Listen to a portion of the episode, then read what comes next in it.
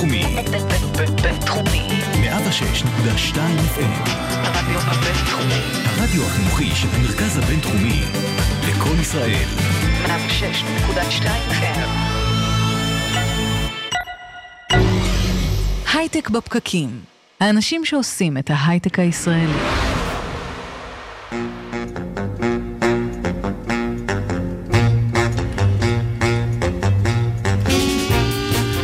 בוקר טוב, יום חמישי, 7 ביוני 2018, בהרצליה עכשיו 25 מעלות, הייטק בפרקים.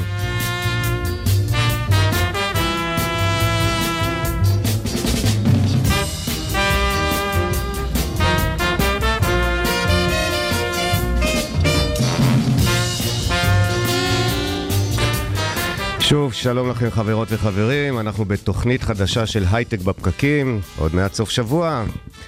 נבחרת ארגנטינה לא תגיע לישראל ולא תשחק כאן במוצאי שבת. ליאו מסי, השחקן הטוב בעולם, לא יגיע לירושלים ולא ינשק את אבני הכותל. נראה מי כן ילחץ ידיים. למי? כך אמרה בתחילת השבוע שרה מכובדת בממשלת ישראל. אנחנו כאן מתנדבים ללחוץ לה את היד במקום ליאו מסי, שמשום מה ויתר על הכבוד הזה.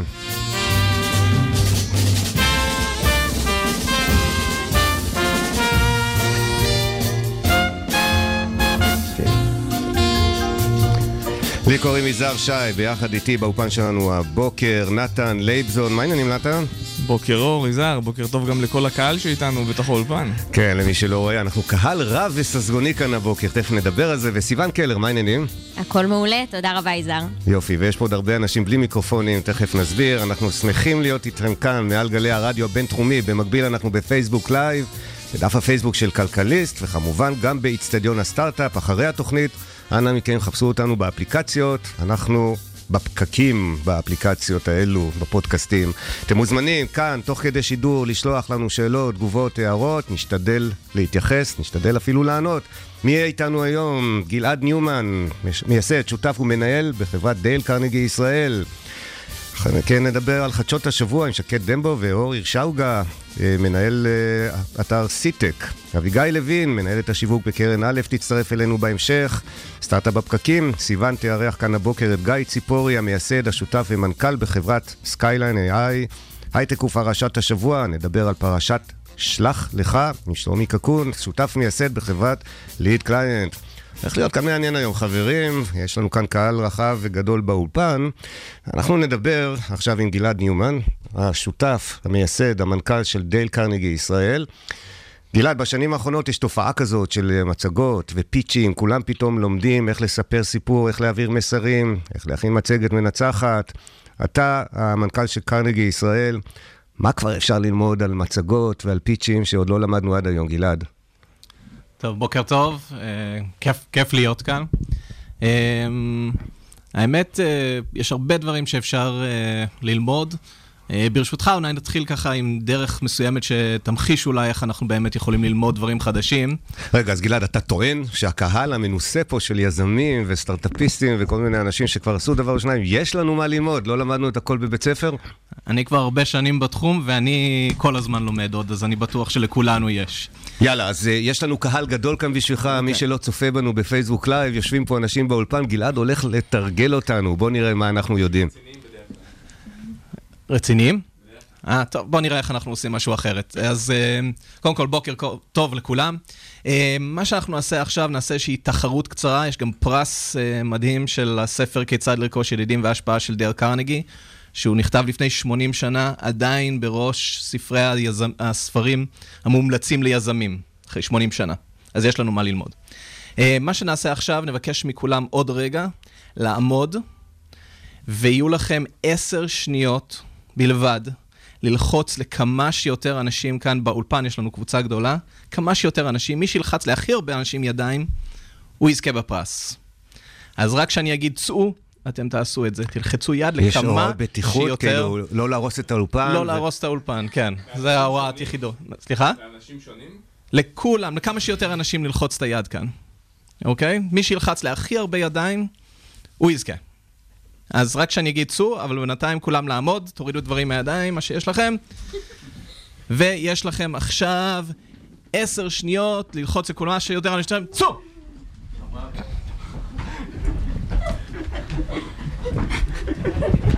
מי שלא צופה, okay, יש לנו שידור חיים. אוקיי, כולם לשבת, כולם לשבת. ובשידור חי, לחיצות כפיים, אנשים רצים okay. באולפן. טוב, מי לחץ לפחות לשלושה אנשים את היד? אה, אוקיי, יש לנו רובם כאן מאוד uh, זריזים. מי לחץ לכמעט כולם את היד? כמה אנשים? לשישה אנשים? יש לכם ספרתם? לכמה? חמישה. שמונה? מי, מי לחץ שמונה?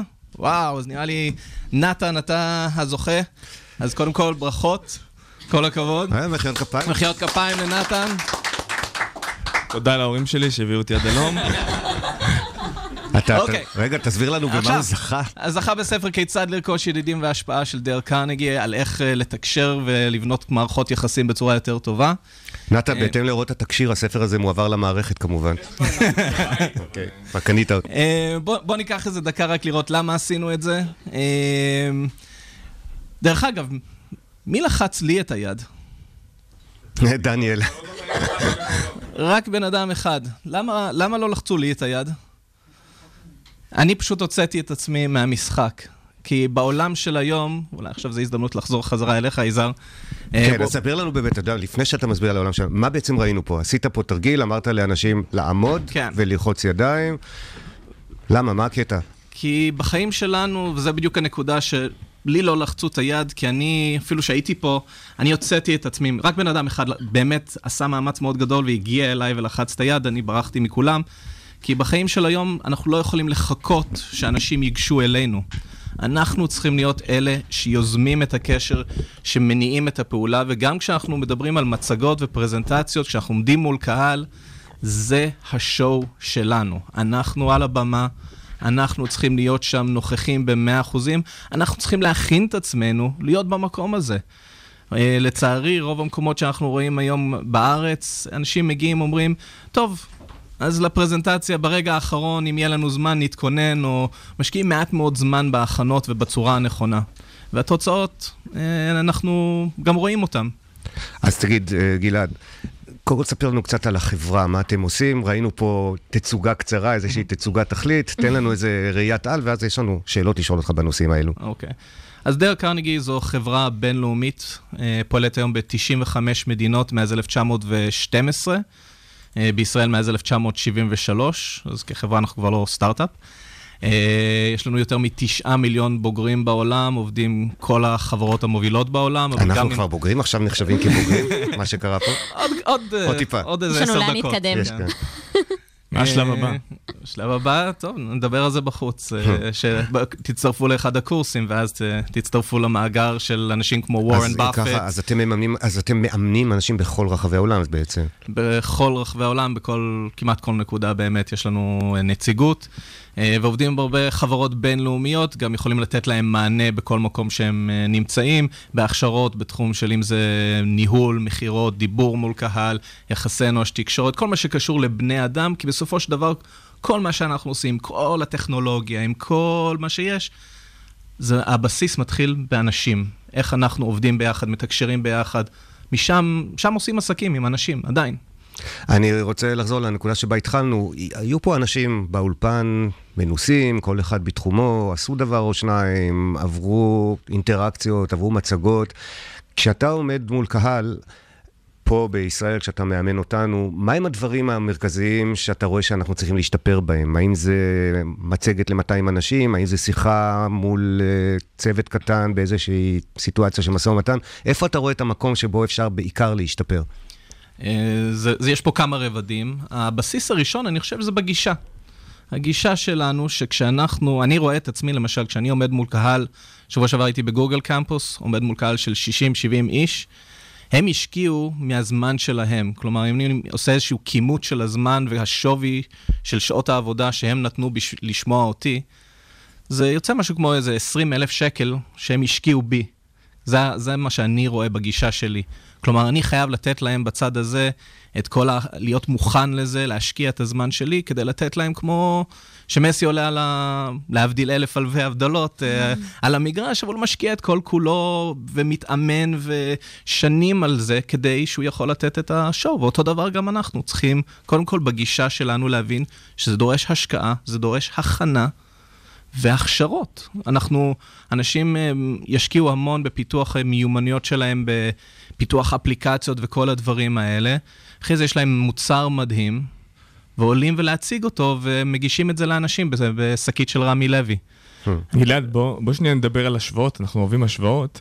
זה גם נושא שיזהר תמיד מרבה לדבר עליו, על איכות ההצגה של יזמים ישראלים, אה, והשוואה לחברים שלנו מארצות הברית, שידועים כפרזנטורים ומתרגלים את זה מגיל צעיר. אז אתה בעבודה שלך זכית לעבוד עם קהלים שונים, אני מניח, יש לך... נקודות והבדלים שאתה מוצא ככה בין ישראלים לבין אנשים אחרים משאר העולם, תרבויות אחרות אולי. אז קודם כל יש פה חדשות אה, רעות וחדשות טובות. מעולה. איפה אתם רוצים שאני אתחיל? ברעות. ברעות. חדשות הרעות זה שיש לנו הרבה עוד מה לעשות. לפני שנה ומשהו הייתי בארצות הברית, ופגשתי שם אנשים שהם משקיעים הרבה בישראל, יהודים טובים, שבאמת חשוב להם להשקיע ב... והם אומרים, כשמגיעים אלינו ישראלים להציג, כואב לנו הלב. כי הם פשוט לא מבינים את המשחק, הם לא מבינים בצד הזה, הם יזמים מדהימים, רעיונות מטריפים, פשוט דברים, אבל חצי מהזמן זה פשוט לא עובר מסך, ואנחנו לא, לא, לא מקבלים את זה, ואז אנחנו לא משקיעים, או משקיעים הרבה פחות ממה שהיינו עושים, אם היינו באמת קולטים את זה ומתלהבים ורוצים uh, לעשות את זה. אז זה, זה, זה הצד של החדשות ה... הרעות, שיש לנו עוד הרבה מה ללמוד, כי בחו"ל זה באמת משהו שהוא מושרש בתרבות.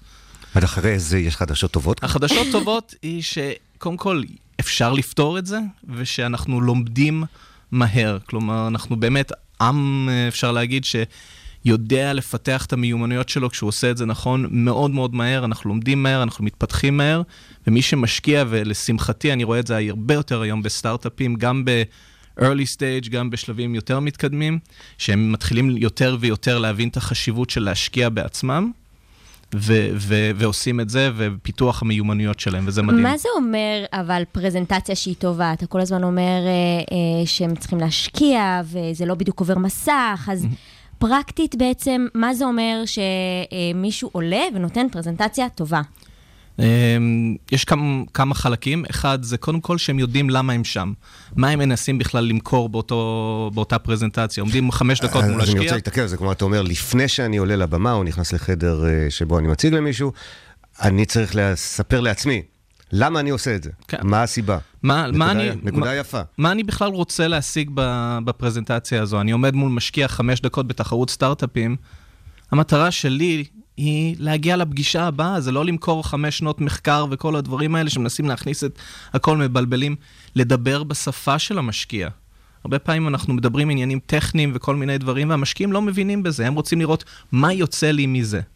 אז אוקיי, זה- אז זו הנקודה הראשונה, איזה עוד נקודות אה, לדוגמה יש? אז קודם כל לדעת מה למכור, שאני מוכר את הפגישה הבאה, מוכר את השיח, מה שזה לא יהיה.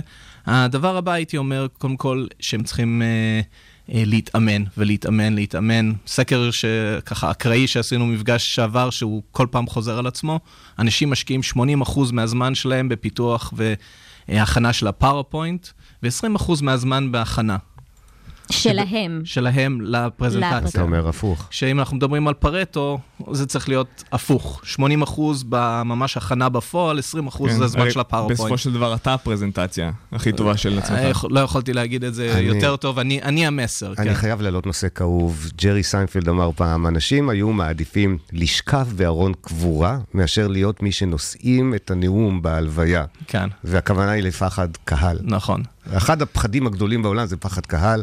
זה גם נושא שאתם מטפלים בו, והאם בכלל ניתן להשתפר בעניין הזה? א', אני עדות חיה לזה, כי לפני שמונה שנים אני לקחתי קורס של דר קרנגי, כי אחד המקומות האחרונים שאני רציתי להיות בהם, זה לעמוד ולדבר מול קהל.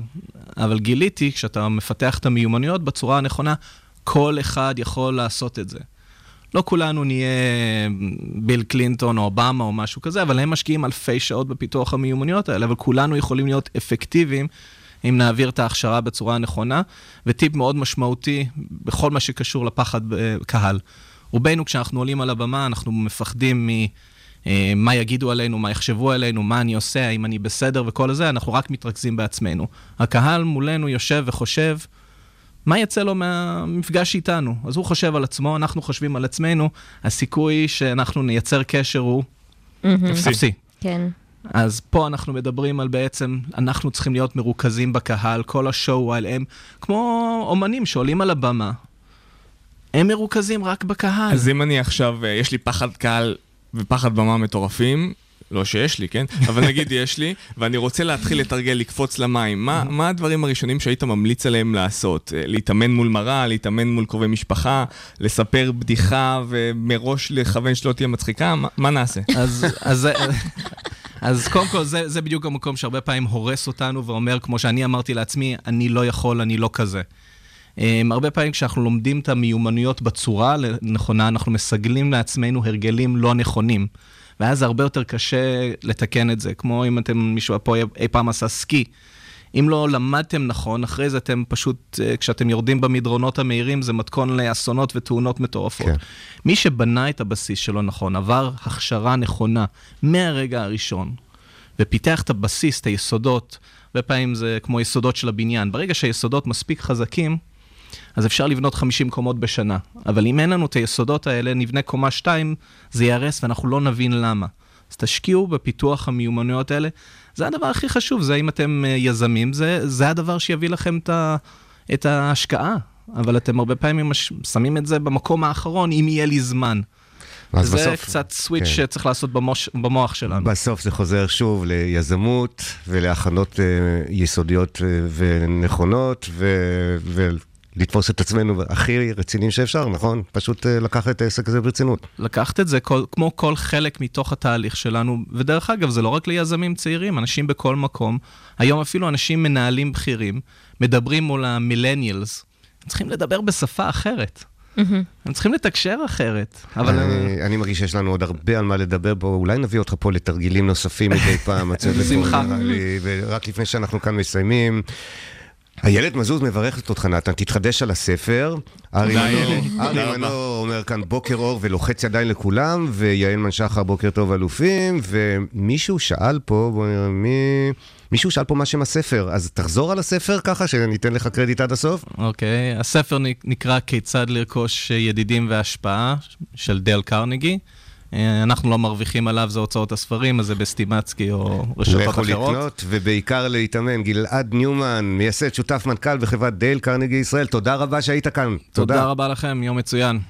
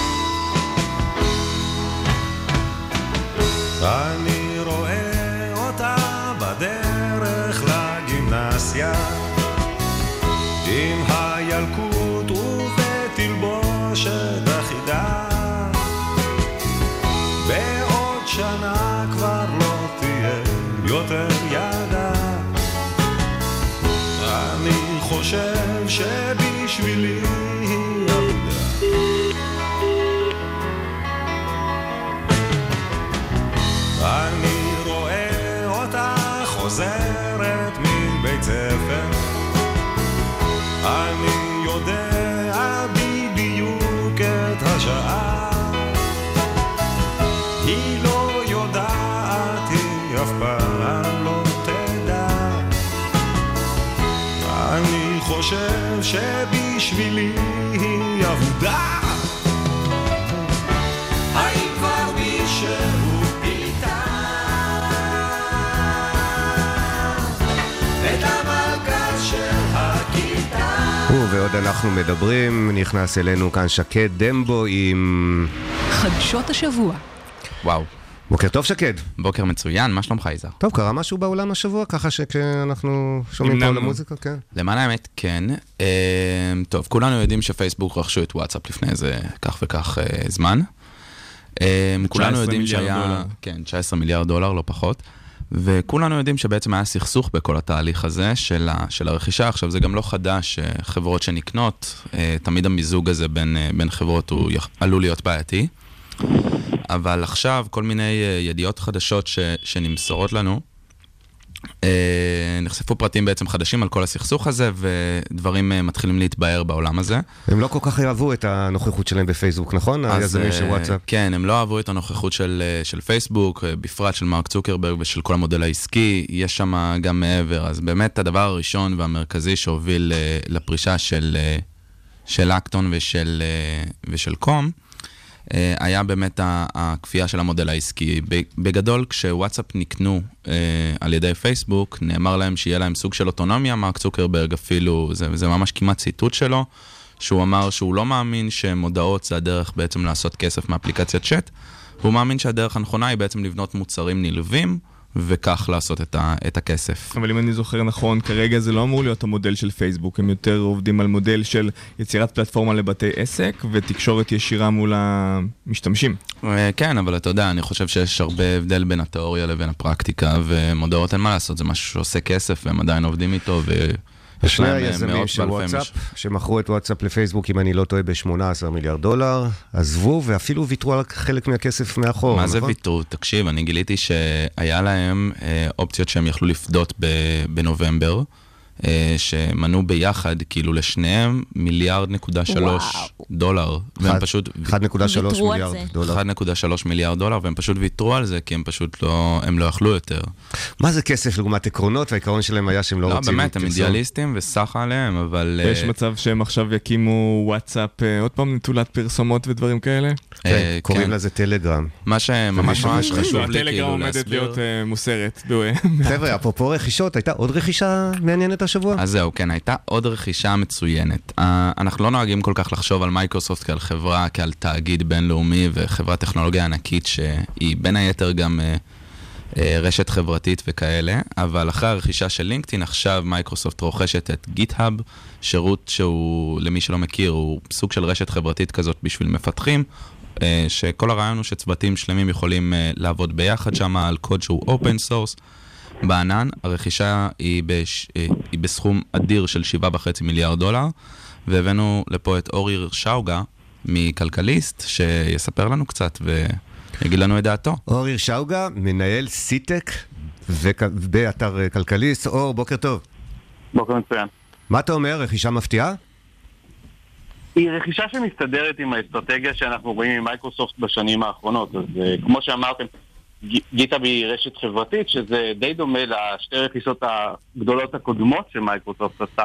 הראשונה של מיינקראפט, שהיא גם קהילה מאוד פעילה, והשנייה של לינקדאין, שהייתה רכישה של 27 מיליארד דולר.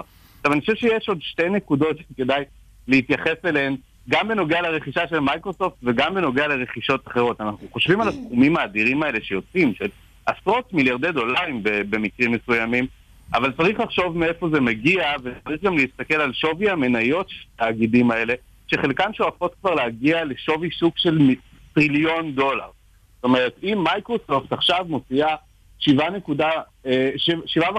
אה, מיליארד דולר, ובמקרה הזה זאת עסקת מניות, צריך גם לזכור שהמניה של החברה עלתה בערך ב-50% בשנה האחרונה, וגם עקפה את השווי של גוגל בדיוק בסוף החודש אה, שעבר.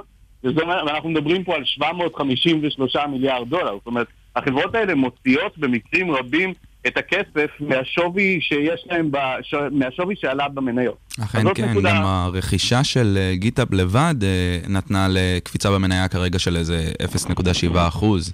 אה, מה שרציתי לדבר איתך זה, תשמע, הסתכלתי וראיתי שגיטאב הפסידה 66 מיליון דולר בשלושה רבעונים ב-2016. היא נאבקת בתשעת החודשים האחרונים למצוא מנכ"ל חדש. ואתה יודע, זה, זה עולה לך בראש, האם הם חברה שכרגע נמצאת על הרגליים וכאילו שווה לקנות אותה, או שאולי זו רכישה שלא הולכת להניב רווח? בוא, בוא, אני אגדיר את זה בצורה קצת עדינה, אבל יש כל מיני סיבות לעשות רכישות. אחד זה כדי לצפות לאיזשהו מכפיל על ההכנסות של, אה, של החברה.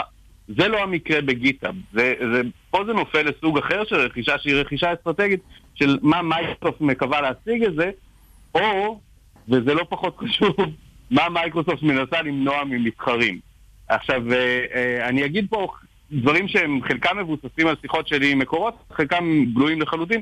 בוא נגיד, מייקרוסופט היא לא החברה היחידה שמסתכלת על חברות אה, קוד פתוח ועל תחום הקוד קוד הפתוח, בעיקר במיקוד של הענן, ושווה לכולם להסתכל מה היריבות הגדולות עושות או בוחנות לעשות בהקשר של רכישות אפשריות, ואיזה פרויקטים גדולים מתנהלים כרגע בגיטה. ואני יודע שמה שאמרתי הוא קצת עמום בגלל שאני לא יכול להגיד את כל הפרטים, אבל יש אפשרות די סבירה שהרכישה הזאת בעצם מונעת מהלך אסטרטגי של חברה מתחרה.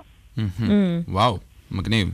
אה, בכל מקרה, GitHub אה, כרשת חברתית, אני קצת מנסה להבין בדיוק את המהלך של מייקרוסופט בכל הסיפור הזה. אתה מבין, אחרי שהיא רכשה את לינקדאין, עכשיו באמת היא רוכשת אותה, הייתה הרגשה בכמה שנים האחרונות, מדבר קצת כמפתח צעיר, של, אה, שמייקרוסופט קצת התרחקה בשנים שלפני זה מהמפתחים. היא הייתה, היא קצת באה מלמעלה והיא הייתה קצת רחוקה מהם. אתה חושב שזה אולי מהלך שמנסה לקרב את מייקרוסופט למפתחים?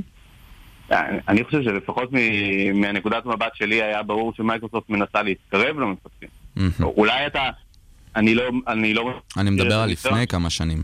אה, אז מלפני כמה שנים המצב השתנה, וגם סטיה נדלה עושה מהלכים מאוד משמעותיים, אבל אתה יודע, אתה יכול גם להיזכר בנאום ה-Developers, Developers, Developers של באמר. השאלה אם זה כן היה open source או לא open source, שזה משהו שכן השתנה מבחינת הדת שמייקרוסופט מייצגת. אבל אני כן חושב שלפחות מבחינה החזות החיצונית נראה שמייקרוסופט כן משקיעה מאמץ בלהצטרף למפתחים, גם צריך להסתכל על דברים בנקודת מבט שהיא לאו דווקא ישראלית, ששוב, אני לא בטוח שזה חופף לניסיון שלך, אבל אפשר לחשוב למשל על, על תוכנית הסטארט-אפים שמייקרוסופט הפעילה מישראל ובעצם הפסיקה להפעיל אותה מישראל, אז אפשר להגיד, או, הם, הם מתרחקים ממפתחים, לא, הם הכניסו את זה לרדמונד, זה אומר שזה הרבה יותר אסטרטגי לחברה, זאת אומרת, מה שקודם נוהל מישראל עכשיו מנוהל מרדמונד, והוא נחשב ב core של מה שהחברה מנסה לעשות. אז אני פחות רואה את, ה, את הריחוק של מייקרוסופט ממפתחים, אני כן חושב שהם שמים על זה המון המון דגש. אני חושב שגם הרכישות של לינקדאין וגם הרכישה של מיינקראפט. אפשר לחשוב על הרכישה של מיינקראפט לא רק אה, אה, הניסיון to rope in את כל הגיקים, אלא גם ניסיון to rope in את כל הגיקים של הדור הבא, שזה כבר רכישה הרבה יותר מעניינת. כן. אה, אני כן חושב שמייקרוסופט שמה על זה הרבה מאוד דגש, מתוך הבנה של נדלה שהמודל של החברה משתנה בצורה מהותית. מייקרוסופט אה, פותחת חלון, אם אה, להשתמש בביטוי ציורי. היא מבינה שחלונות זה לא המודל העסקי שלה להמשך, לפחות לא, לא חלונות במודל ה proprietary שאנחנו רגילים ממייקרוסופט מאז תחילת שנות קיומה, ועוד לפני זה. אתה בעצם אומר במילים אחרות שמייקרוסופט מתחילה קצת, אה, קצת להתנתק מהתלות בווינדוס כה money maker שלה, אם אני מבין אותך נכון.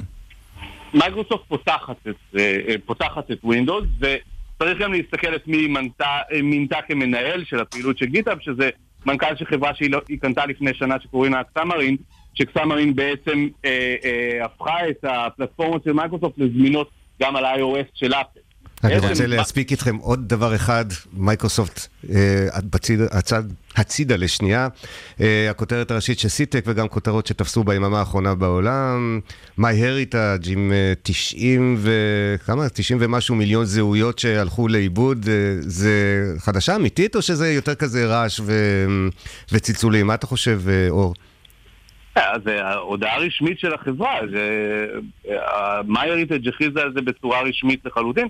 כן, יש שם פרט מעניין שמסתתר בתוך ההכרזה הזאת של מיירדד, שקצת uh, we glossed over, אומרת שזה קרה באוקטובר 2017. זאת אומרת, אני חושב שיש גם מקום לשאול מה קרה ב, בחצי שנה מאז שהייתה הפריסה ולמה רק עכשיו אתם מתעסקים ה-GDPR נכנס, כן. אז הם אומרים ש-GDPR, אה, אני, אני די משוכנע ש-GDPR זה לא כל הסיפור, כי כולנו ידענו מתי ה-GDPR ייכנס כבר מלפני המון המון זמן, והם עושים את זה למעשה פוסט GDPR. אני לא בטוח ש-GDPR הוא הסיפור, אני בטוח שיש לחברה סיבות טובות לבחור את התזמון דווקא עכשיו, אני לא, אני אישית לא יודע מה הם. עוררת בנו סקרנות. אור הירשאוגה, עורך ומייסד האתר של סיטק, תודה רבה שהצטרפת אלינו גם הבוקר. תודה לכם. ותודה גם לך, שקד דמבו עם חדשות השבוע. תודה לך, יזהר.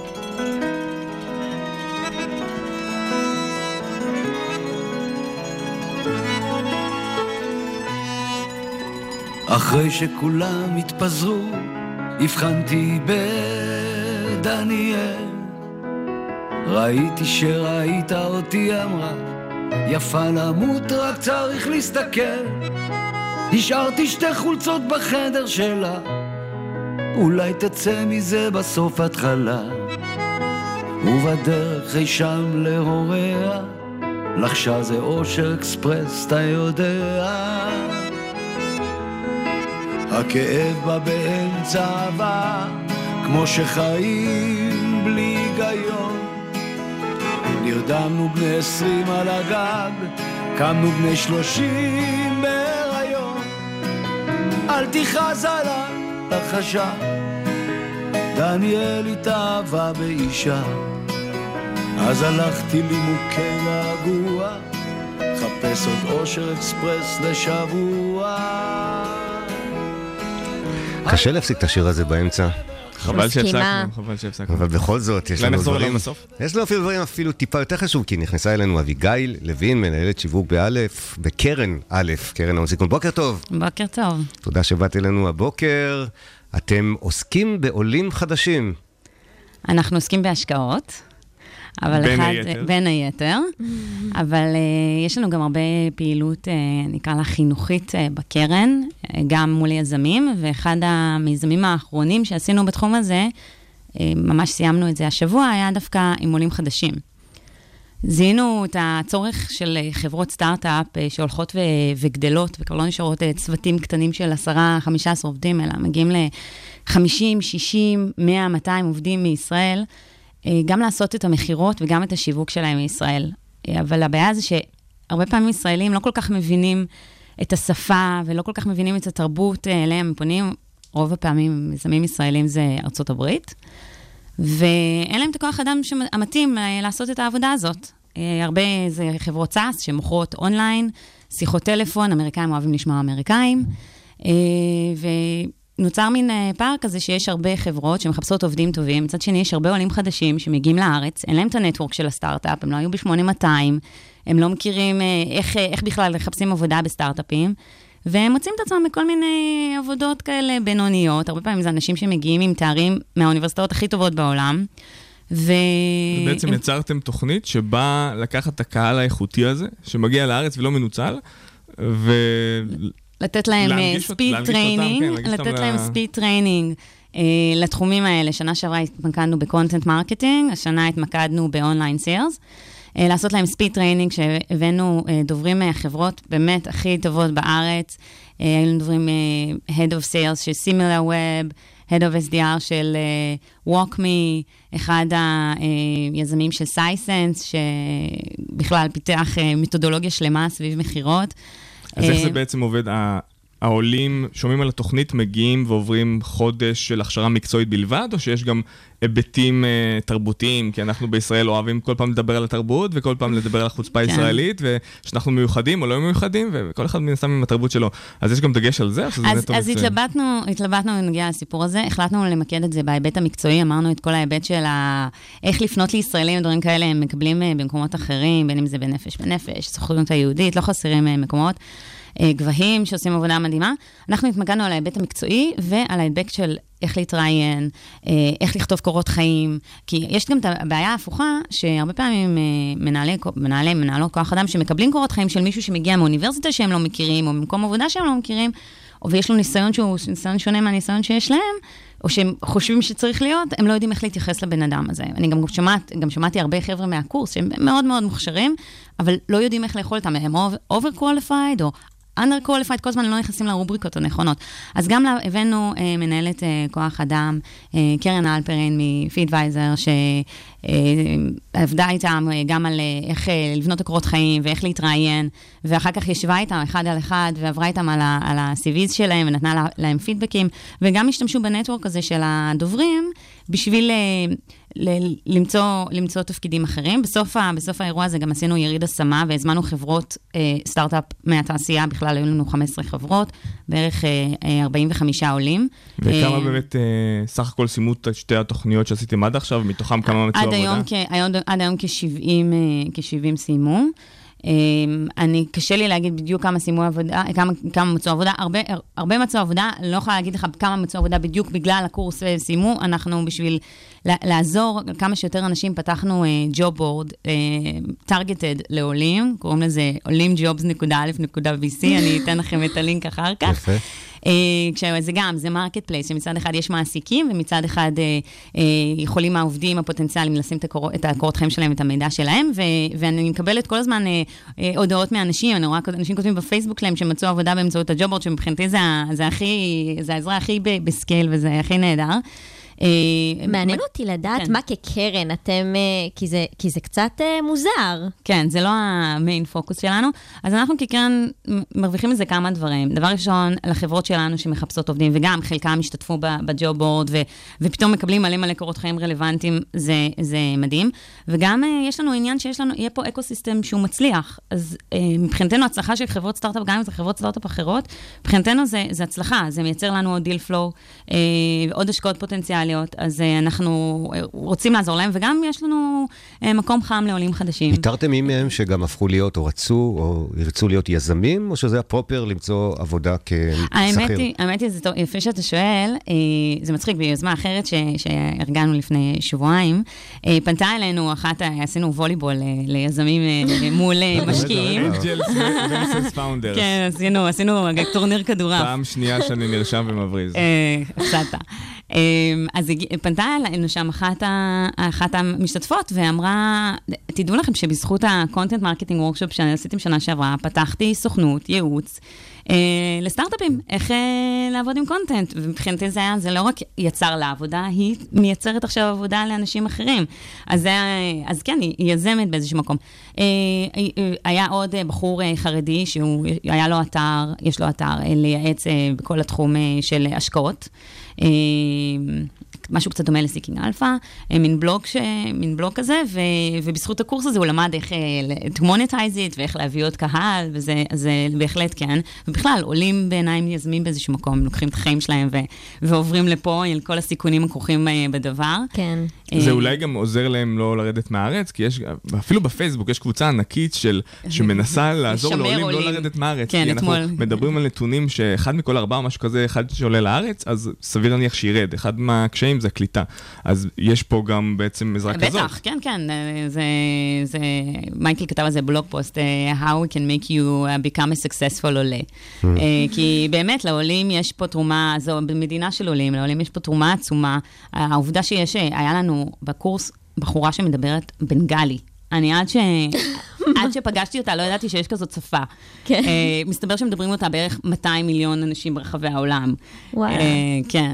Uh, אז באמת יש לנו פה uh, חשיפה לקהל שהוא יכול uh, לעזור באמת לחברות האלה לעשות scale ולהגיע למקומות שהם לא חשבו שהם יכולים להגיע אליהם. Mm-hmm.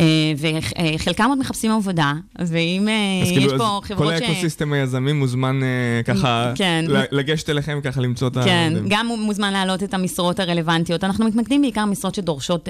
שפה. זאת אומרת, אם מישהו עולה ומתכנת, הוא לא, לא יתקשה למצוא עבודה. אה, אבל משרות סביב marketing, sales, inside sales, SDRs, כל הדברים האלה, זה משהו שהשפה זה יתרון והתרבות זה יתרון. א', קרן הון סיכון, שמשקיעה אה. במיטב המיזמים והיזמים. יש לי עוד משהו. עשינו את זה, אנחנו גם, אוהבים, אנחנו גם אוהבים live, אז אנחנו שידרנו את כל ה sessions ב live. אז מישהו רוצה או לראות את הקורס של ה content marketing, או את הקורס של ה sales ב live, אז זה גם, זה בעמוד שלנו. הנה, בסוף יצא פה גם מנהלת השיווק. חייבת. אביגיל לוין, מנהלת השיווק של קרן א', שאפו גדול, כל הכבוד, ותודה שהגעת אלינו בוקר. תודה רבה.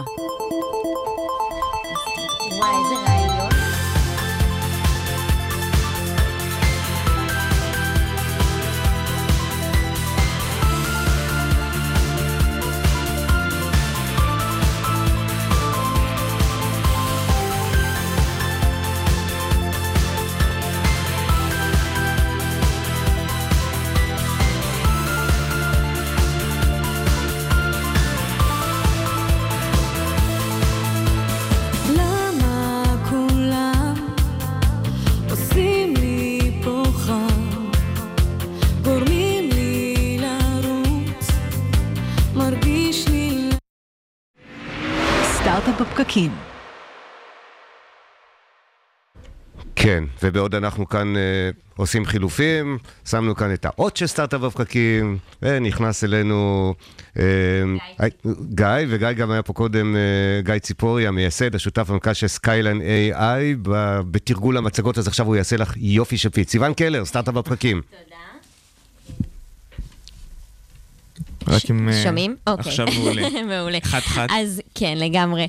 אה, אז כן, אה, גיא ציפורי הוא, אחד, הוא המנכ"ל ומייסד חברת Skyline AI. אז בעצם AI נכנסת עכשיו לתחום הנדל"ן. איך זה, איך זה בעצם עובד? אז בגדול, בכמה מילים, אנחנו מחוברים לסדר גודל של 150 מקורות מידע היום מכל מיני סוגים. חלקם מקורות שבתשלום, חלקם חינמים. חלקם זה מידע שהוא מאורגן, מה שנקרא structured, חלקו unstructured, דברים, אה, גם מידע נדל"ני, אה, על נכסים, על הלוואות שיש על הנכסים וכן הלאה, גודל המגרש, כמות היחידות בנכס, וגם אה, מידע אחר שיכול להשפיע על שווי של נכסים, כמו דמוגרפיה ו- וחינוך ובתי ספר וכן הלאה. 150 מקורות מידע שונים, אנחנו מסתכלים על 400 אלף נכסים היום בארצות הברית. וואו. ועל כל נכס כזה יש לנו סדר גודל של 10,000 data points, כלומר... ו data point יכול להיות מצבע הגג, גודל מגרש החנייה והמסעדות באזור. ובעצם יצרנו את ה database הכי גדול שקיים היום בעולם ה real estate. ואז יש לנו צוות של data scientist, שהתפקיד שלהם זה בעצם מתוך ה data הזה להוציא insights ופרדיקציות על, אה, על מה הולך לקרות עם הנכס, מה הולך להיות השווי שלו, מה הולך להיות השכירות בנכס, אה, התפוסה וכן הלאה. איך זה בעצם הולך לשנות את איך שהיום הנדל"ן, אה, אה, כל מה שקשור להשקעות נדל"ן וכולי, איך, איך זה משפיע על התהליך הזה? כן, אז אנחנו באמת פועלים בעולם של uh, real estate investments, השקעות הנדל"ן, והיום הצורה המסורתית שבה היום מנתחים עסקאות, ואנחנו מדברים פה על עסקאות, הנכסים שאנחנו מסתכלים עליהם, זה נכסים ששווים עשרות ומאות מיליוני דולרים. והצורה שבה העסקאות מנותחות היום, זה באמצעים שכולנו מכירים, אבל הם היום עם הטכנולוגיות הקיימות הם יחסית מיושנים, כמו אקסלים ודברים מהסוג הזה. בעצם היום יכול לקרות מצב שאם אדם, אה, זאת אומרת, יד אדם נוגעת בתהליך, יכול להיות שיהיה שם איזושהי טעות מתמטית, איזשהו משהו בסגנון הזה, שיכול להשפיע על, אנחנו מדברים פה גם על עשרות מיליונים של... בהחלט, אז קודם כל טעויות כאלה קורות, יש uh, השקעות מוצלחות יותר והשקעות פחות. Uh, והטעויות האלה זה כמובן דבר אנושי, אנחנו גם לא רק טועים, אנחנו אנחנו אנושיים, אנחנו מושפעים אה, מכל מיני דברים סביבתיים שהמחשב יודע להתעלם מהם. אה, ובאופן עקרוני, אנחנו חושבים שדווקא השילוב, וזה לא רק אנחנו חושבים, יש כל מיני מחקרים בנושא, דווקא השילוב בין טכנולוגיות חדשות, AI, לבין אה, אנשים עם ניסיון ומומחים, מביאים תוצאות הרבה יותר טובות. אולי אה, סיפור על אה, מחקר אחד כזה בנושא, בעולם של אה, זיהוי סרטן. אה, היה, היו... אה, אה, תוצאות של, אה, כשאנשים מנתחים אה, ביופסיה, מגיעים לתוצאות של 92.5 אחוזי דיוק. כשנתנו למחשב לעשות את זה, הוא הגיע לתוצאות של 96.5, אם אני זוכר נכון את המספר המדויק. אבל מה שהיה מעניין זה כששילבו, ראו בעצם שהטעויות הן טעויות שונות, וכששילבו את שני השיטות יחד, הגיעו לרמת דיוק של 99.5 אחוז. אז גם אנחנו, המערכת הטכנולוגית שלנו מסתכלת על נכסים מייצרת את הפרדיקציות, יודעת להסביר למה היא חושבת שנכס שווה משהו א' או ב', ולמה היא חושבת שבחמש שנים הקרובות יקרה לו משהו מסוג מסוים. אבל יש לנו ועדת השקעות של אנשים שהם מנוסים, שהשקיעו בעשרות מיליארדי דולרים אה, בנדל"ן, שהם בעצם ה... אה, וכשיש ויכוח בין חוות דעת אנושית לבין המחשב, מי מנצח? אה, אז אין פה עניין של מנצח, זה, זה ממש אפשר להסתכל על זה כעוד חבר בוועדת ההשקעות. כלומר, האנשים יכולים to challenge the technology, וה, והטכנולוגיה will challenge the, the, the experts. אה, ובסוף יגיעו לאיזושהי החלטה שמוסכמת על הטכנולוגיה ומוסכמת על... אז רק להבין שהבנו את הפלואו, אז אני מזהה איזשהו נכס שנראה לי מעניין, אני מנהל השקעות בקרן שמנהלת השקעות נדל"ן. אני מכניס את הנתונים של הנכס הזה, ככל שיש לי אותם, לתוך המכונה שלכם, שמערבלת, עושה AI, AI, AI. ככה היא משמיעה את הקולות. משמיעה את הקולות, אה, ומוציאה... מה, המלצה לקנות, לא לקנות, או יש שם משהו יותר רך כזה, בוא תשקול את זה, בוא תחשוב אז, ככה? אז קודם כל, אה, מה שאתה צריך להזין לנכס, וזה אחד הדברים היפים, זה בסך הכל את הכתובת. כלומר, היום כל המידע על הנכסים כבר קיים בתוך המערכת. אנחנו יודעים על הנכסים האלה הרבה פעמים יותר ממה שבעלי הנכס הנוכחיים יודעים על הנכס של עצמם. אה, אבל בסופו של דבר, מה שאתה מקבל זה איזשהו דוח מאוד מפורט, עם תחזיות של מה יקרה בנכס, כולל הסברים של למה המערכת חושבת שזה מה שיקרה. זה כלי שמיועד למתווכי נדל"ן וחברות שעוסקות בזה, או גם לבן אדם הפשוט שרוצה לדעת שווי של בית שלו? אז קודם כל, ב... בעולם הספציפי שלנו, אנחנו מסתכלים על uh, commercial real estate, זה נכסים של עשרות ומאות מיליוני דולרים. מי שסוחר בנכסים האלה זה גופים מוסדיים מאוד גדולים, uh, גופים פיננסיים, בארץ לצורך העניין חברות הביטוח, הפנסיות של כולנו uh, מושקעות בין השאר בנדל"ן. Uh, זה סוג העסקאות, ולכן זה לא מיועד למתווכים ולא לאנשים כמוני וכמוך, אלא יותר לאנשים שמנהלים עסקאות מאוד מאוד גדולות. אה, ושיש משקל מאוד גדול גם להצלחה או לכישלון אה, של עסקאות כאלה, גם על כל אחד מאיתנו. אודי רייטר, אה, מאזין קבוע שלנו, שואל, האם אתם מחשבים גם את הפוטנציאל של השכרות לטווח קצר באזורים מסוימים? אז היום, היום לא, זה בעיקר קשור לסוג הנכסים שאנחנו מסתכלים עליהם. אנחנו מסתכלים על נכסים, על מקבצי מגורים, מולטי פמילי, ובנכסים האלה השכירויות הן שכירויות לשנה בדרך כלל, ולכן אנחנו לא מתעסקים עם זכויות לטווח קצר. אמ, כן. תגיד, איך זה? זה מנוי חודשי, מנוי שנתי? איך אני נעשה לקוח שלכם? או אה, אני פשוט בא עם איזושהי דירה, מכניס את הכתובת ואתם נותנים לי נתונים? אז, אז שוב, זה לא דירה, הלקוחות שלנו, השותפים שלנו, הם אה, גופים אה, מוסדיים גדולים בארצות הברית, גופים שמנהלים מיליארדים של דולרים, ולכן זה לא אנשים שנרשמים אונליין ומתחילים להשתמש במערכת. את האנשים שאנחנו פוגשים, מציגים להם את המערכת ומתחילים לעשות עבודה משותפת של להסתכל על עסקאות שהם uh, רוצים לבצע ולנתח אותן בעזרת הטכנולוגיה. ואם אתם מסתכלים ככה כמה שנים שקדימה, אז באמת לאן אתם מכוונים את החברה? זאת אומרת, לאיזה מקום? אז uh, קודם כל, אנחנו בימים האלה ממש סוגרים את עסקת הנדל"ן הראשונה שלנו. זה יהיה הפעם הראשונה בהיסטוריה שמערכת טכנולוגית ניתחה עסקת נדל"ן ונתנה בעצם אה, איזושהי אה, הנחיה שצריך לבצע את העסקה הזאת. בשעה טובה. תודה. מזל טוב. מברוק. תודה רבה. מרגש אפילו. אה, ואנחנו רוצים, מדובר בעסקאות גדולות, אנחנו רוצים לעשות 6 עסקאות כאלה בשנה הראשונה, ועוד 12 בשנה השנייה, ובטווח יותר ארוך אנחנו רוצים בגדול, אנחנו רוצים שאנשים, בין אם זה עם Skyline AI ובין אם זה מתחרים שעוד יקומו, או אנשים שיפתחו בעצמם, אנחנו רוצים לשנות את הצורה שבה אנשים משקיעים היום בנדל"ן, ולעשות את זה, את זה מיומנות למדע. אני חייב לשאול אותך, אז בחזון שלך, הרי אתה רואה את הדברים במבט רחב, חמש שנים היום, עשר שנים היום, יש מצב שרובוט מייצג אותי, אני אומר לו, לך תקנה לי נכסים, הרובוט עושה ויכוח אה, אינטליגנטי עם הרובוטים שלך, הם מחליטים ביחד. ו... הוא המתווך בעצם. ונותנים, כן, נותנים אה, את ההשקעה לרובוט שלישי שבכלל מבצע את הטרנזקציה. אז, אז תראה, אם לפני, אה, אולי אפילו עדיין היום, אם נצא פה החוצה ונתפוס נהג מונית רנדומלי ונשאל אותו האם מכונית אוטונומית תדע לנהוג יותר טוב ממנו, הוא כנראה יגיד שזה לא הגיוני, זה לא יכול להיות. הוא כבר מנוסה, הוא מכיר הכל, הוא ראה הכל, הוא יודע לראות דברים מרחוק, אבל אנחנו יודעים ש... אני לא יודע אם זה ייקח שלוש שנים, חמש שנים, עשר שנים.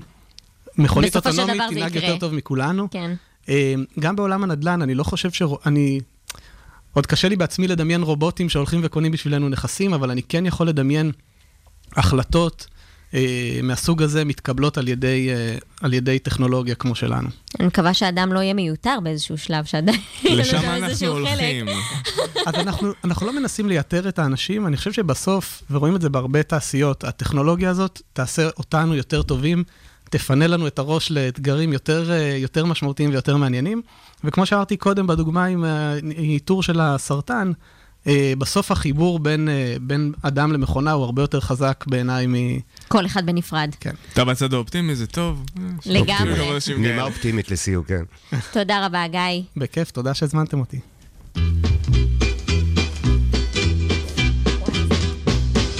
כשהייתה צעירה, טרפתי אותה בעיניי, ופעם אחת היא אמרה נראה כשתגדל אז אולי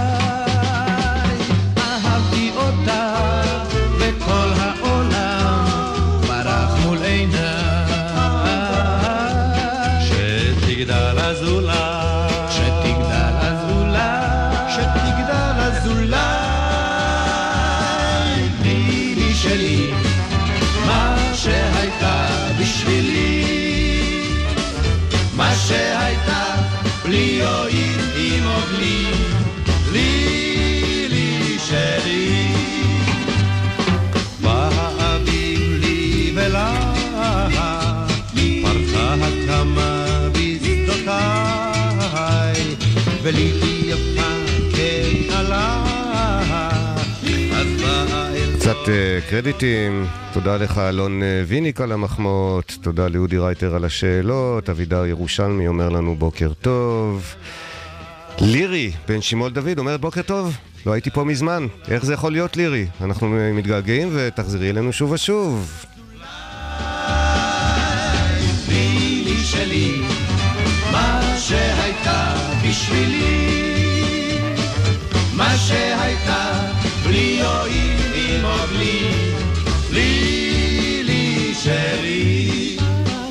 תודה רבה לשלוש ערים, ובעוד אנחנו נהנים כאן מהמוזיקה היפה שלהן, נכנס אלינו לאולפן שלומי קקון, הוא מייסד בשותף בחברת Lead Client, והוא ידבר איתנו על... פרשת השבוע. מה העניינים שלומי? בוקר טוב, שלום לכולם. שמחים שאתה איתנו בשתי מילים, Lead Client, מה אתם עושים? אנחנו מייצרים בעצם אה, מערכת שמפתחת, אנחנו מפתחים אה, מנהל שיווק דיגיטלי, שבעצם אה, מאזין לכל הערוצים בעסק, גם האונליין וגם האופליין, ומייצר אה, מסקנות שיווקיות, אה, בעיקר לעסקים קטנים ובינוניים, שלא יכולים להחזיק אה, מנהל שיווק במשרה מלאה, או מנהל שיווק מספיק טוב כדי לתת להם את ה... חבל ששחררנו את אביגיל, היינו שואלים אותה אם היא מאוימת על ידי החברה שלך. מה, לא צריך יותר מנהלי שיווק? לעסקים קטנים ובינוניים, אני חושב שהיום הם לא מחזיקים מנהלי שיווק, וחלק גדול מהתהליך שלהם לפרסום, גם באונליין וגם באופליין, נובע מתחושות בטן, ופחות מדברים אמפיריים. אנחנו מנסים לתקן את זה, כדי לתת אה, נתונים אמפיריים אה, בצורה מאוד אה, מדויקת וטובה. אחלה, ואנחנו בפרשת שלח לך. פרשה די דרמטית, שלומי. משה שולח מרגלים לארץ הקודש. כן, האמת הוא לא שלח מרגלים. אם נסתכל קצת בפרשה, אין את השורש מרגלים בשום, בשום צורה. לא מוזכר המילה מרגלים. Hmm. מדובר בתיירים, בעצם הוא שלח אותם לטור את הארץ. אתה יודע, עכשיו שאתה אומר, אני כן, אני קורא פה... היה פנסיון מלא.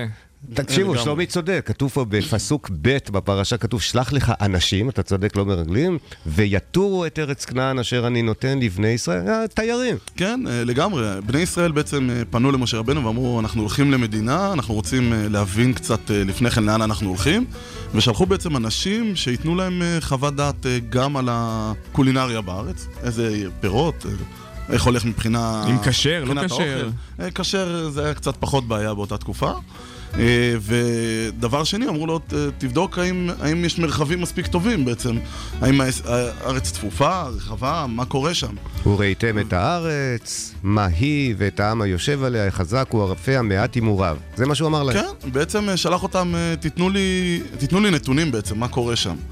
והוא לא שלח סתם אנשים, הוא שלח 12 אנשים, החשובים שבעם, רש"י כותב שמדובר מכל שבט, מהנשיא של אותו שבט בעצם, אנשים מאוד חשובים. אה, והמטרה של משה רבנו לשלוח את אותם 12 אנשים היא כדי להשיג הסכמה רחבה בעצם מכל העם. איך הם נבחרו? הפילו גורל? מה? אה, לפי השבטים? לפי השבטים. כל שבט? כל שבט אה, לקחו נציג, ובעצם בעיקר את האנשים המנוסים בשבט, ושלחו אותם לטור את הארץ. ובהגיעם לארץ ישראל הם אה, ראו נתונים שהם הם גם, כשהם חזרו הם אמרו את הנתונים. מדובר בארץ אוכלת יושביה, הם נתקלו בהמון לוויות כשהם הגיעו. הם ראו בני ענקים, בעצם אנשים ענקים, אה, לפרופורציה בערך כארבע, פי ארבע מגודלם. מגודלם של אנשים. זה היה די, תיאור מדויק? שלומי, זה היה... הם- עבדו על ה... זה לא אה, נכון. הם באמת... תכף נגיע לזה, אה, אוקיי. רק התחלנו. אתה אומר מה אה, שהם סיפרו. מה שהם סיפרו, זה, מה, אוקיי. שהם, ראו, והם הגיעו בעצם אה, אה, לאותו, עם, ובמקום אה, ללכת למשה רגע, אני רבנו... מתכתב איתך, מה שאמרת עכשיו זה נראה ככה, הם חוזרים והם אומרים, באנו אל הארץ אשר שלחתנו, וגם זבת חלב ודבש היא, וזה פריה אפס, כי עז העם היושב בארץ, והערים בצורות גדולות מאוד, וגם ילידי ענק ראינו שם. אה, בעצם הם באים, ו- ואם לשים לב למי הם פונים, הם פונים לעם בעצם. הם לא, פונים, הם לא חוזרים למשה, למי ששלח אותם, אלא פונים לעם, ובעצם יוצאים אה, לש- לכיכר העיר, ומפרשנים את מה שהם ראו. מדובר בארץ אוכלת יושביה, היינו בעיניהם כחגבים, כל מיני תיאורים מאוד מאוד מפחידים, שבעצם אה, כוונתם אגב הייתה לטובה. הם אמרו, העם לא מספיק אה, צדיק, בשל. לא מספיק אה, בשל להגיע לעם, בואו ניתן לו איזה זפטה, כמו שאומרים, נעיר אותו, שיתפלל, וכך יהיה לו זכות להגיע לארץ ישראל. אבל זה לא יצר אפקט של פחד פשוט? זה, יצא, זה מה שזה יצר. הצליחו, ובעצם הצליחו, זה זה הצליח להם, אותם. כמו שאומרים. כן. אה, וגם אחר כך כשהם התחרטו והם אמרו, לא נעלה ונאכל, כבר זה היה מאוחר מדי. ובעצם, אה, אם נסתכל קצת על התהליך, אז אה, מה שהם עשו, הם בעצם פירשו את המציאות בצורה קצת אחרת. ואם נסתכל קצת על העולם שלנו היום, אנחנו היום אה, המרגלים האולטימטיביים. כל דבר התי- שאנחנו קונים... המתיירים, אה, התיירים. התיירים, מרגלים, איך שלא נקרא להם, בעצם הם הפכו מתיירים למרגלים. המטרה של מרגל היא למצוא חולשות, וזה מה שהם עשו. ובעצם אנחנו, אם נסתכל על העולם שלנו היום, בעולם הדיגיטל, אה, אנחנו מרגלים כמעט כל דבר. לפני שאנחנו קונים כל דבר, אנחנו בודקים. לפני שאנחנו הולכים לגור, אנחנו מסתכלים ימינה ושמאלה. ובעצם תהליך הריגול הוא מאוד מאוד קל ומאוד מאוד יעיל. אה, מצד שני, גם כן, כשאנחנו נפגשים עם אנשים, אנחנו בודקים עליהם בפייסבוק שלהם, בפרופילים, ואחת המסקנות שאפשר להגיע מהפרשה הזו, שלא להגיע למסקנות. בעצם, גם אם אנחנו רואים מציאות כלשהי, לנסות לבחון אותה בעין אובייקטיבית, ולא ל... או לגמד אותה, או, או להרחיב אותה לפי צרכינו. איזה יופי, כלומר, אה, וגם להיות אופטימיים אולי במידה לגמרי, מסוימת? לגמרי. גם אם אנחנו רואים משהו שלא מובן לנו, אה, לנשום עמוק, לברר, ובסוף נגיע לאמת, ולא לנסות לפרשן בעצמנו, ולהרחיב את, ה, את מה שראינו לאופן אה, קצת פחות טוב. למרות שהיו שם 12 אנשים שבסופו של דבר באו עם אמירה מאוד ספציפית, ולא כן, 12 מדובר לא בעשרה 12 אנשים. דעות שונות. שזה- זהו, בעשרה אנשים סך הכל, שבאו עם אה, דעה די מוצקה. אה, המדרש אומר שהם גם לא רצו לקחת פירות מהארץ. כי הם אמרו, אנחנו נראה להם פירות כאלה יפים, זה יסתור את האג'נדה בעצם, את מה שאנחנו מתכננים. וכלב, המדרש אומר שכלב שלף את חרבו ואמר להם, אם אתם לא מביאים, זה או אני או אתם. בעצם הביאו פירות ענק. המדרש מספר שהם הביאו רימון אחד. בן אדם תפס, ככה שמדובר ב- באמת ארץ זבת חלב ודבש. ואם יש לי כמה שניות, יש איזשהו סיפור ככה שנתקלתי בו בעבר. אה, בציבור החרדי השידוכים בעצם אה, מאוד מאוד מאופיינים בריגול. בריגול, בחקירה. אה, כשמציעים למישהו חתן לביתו, מה שהוא עושה, הוא פשוט מברר. מתקשר לישיבה שבו כמו למד. שצריך. רגע, הוא. שולח מרגלים? גם, גם, אוקיי, לגמרי. אוקיי. אה, בשכונה, בישיבה איפה שאותו בחור למד, אם הוא עובד, אז במקום העבודה. וישנו איזה סיפור אה, מאוד מעניין על איזשהו מישהו שהציעו לביתו איזשהו חתן אה, מפואר, כמו שאומרים, וכשהוא בירר, הוא גילה שלאותו בחור יש פתיל קצר. מה לעשות, הבחור מתעצבן מאוד מהר. ובעצה אחת עם אשתו הם החליטו לא להפגיש את ביתו עם החתן והמשיכו למיועד הבא. באחד השלבים, אחרי כמה חודשים, אותו, אותו אבא אה, נמצא בטרמפיאדה מחוץ לעיר ועוצר לו בחור עם רכב טרנטלה ולוקח אותו ל- למחוז חפצו. וכל הדרך הוא, תוך כדי שיחה, הוא מבין שמדובר באותו בחור שהוא בירר עליו כמה חודשים לפני ואותו אבא מתפלא. כל הדרך היו פקקים, היה חם, היה מאוד, מאוד לא נוח באוטו והבחור מתאפק ולא מצפצף ולא מצייץ. אמר, חבר'ה, מה שאמרו לי לא נכון, ובוא, אני רוצה להתקדם. בסופו של דבר יצא מזה אירוסין וחתונה, ובאחד המפגשים, האבא סיפר את הסיפור. אמר, אמנם הציעו לנו אותו, דחינו וכולי, וכך וכך היה הסיפור. וברוך השם שלא לא הלכתי שולל אחרי מה שכולם אמרו לי. קם אותו חתן ואמר, עכשיו אני יכול להגיד את הצד שלי. אני כבר נשוי, זה כבר מאוחר מדי, הרכבת כבר עברה. אבל אני אספר לך סוד קטן, פשוט באותו, באותו רכב שהיה לי, הייתה לי תקלה בצופר. ולא יכלתי לצפור, אז זה מה שקרה. הנה, אנחנו פה. אז אה, אנחנו צריכים לקחת, בעיניי לקחת את זה לעולם שלנו, לא להסיק מסקנות אה, מאוד מהר, לבחון כל דבר לעומק. היום מאוד קל לקבל מידע נכון ופחות נכון. ולהיות אופטימיים. שלומי. קקון, פרשת שלח לך, תודה רבה לך. תודה רבה לכם.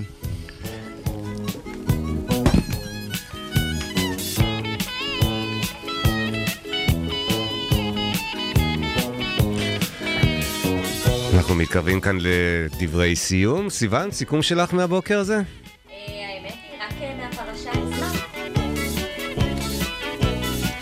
רק מהפרשה עצמה, באמת אה, אף פעם לא להסיק מסקנות. אני חושבת שזו אחלה מסקנה ל- לחיים. לא להסיק ל- מסקנות ולהיות תמיד לראות את המציאות אה, על הצד הטוב ביותר, ולא... נתן מהנהן, אתה מסכים? גם, אבל גם האמת, אה, מה שאביגיל וקרן א' עושים זה מעורר השראה, ואני מזמין את כל ההייטק הישראלי לראות איפה. הוא ככה מושך את הקהל יד האיכותי הזה, העולים החדשים שמגיעים לארץ ולא מאבדים ועוזרים אותם. להם. תחזקו אותה, וכל הכבוד לקרן א'. אנחנו כאן בדברי סיום. תודה רבה לכם, סיון קלר ונתן לייבזון שהייתם איתנו באולפן הבוקר. תודה לאורחים שלנו, שלומי קקון, גיא ציפורי, אביגיל לוין וגלעד ניומן. הפיקו את השידור הזה סיון קלר ורועי קליק, המפיק הדיגיטלי שלנו, שקד דמבו, מפיק ראשי הדר חי, עורך מוזיקלי, עורך על וטכנאי העל שלנו שהציל אותנו כאן באמצע השידור, אורי טולדנו. תודה לעיתון כלכליסט על שיתוף הפעולה, הרדיו בינתחומי, הבית שלנו כאן בכל שבוע מחדש, תודה לכם. תודה לכל המאזינים, כאן איתנו, בפקקים, בדרך לעבודה. עשו בזהירות אם טרם הגעתם למשרד, יום טוב ומהנה למי שכבר הגיע. יום חמישי הבא, אנחנו כאן שוב עם אורחים חדשים ואנשים שעושים כמוכם את ההייטק הישראלי. אנחנו הייטק בפקקים, להתראות בשידור הבא.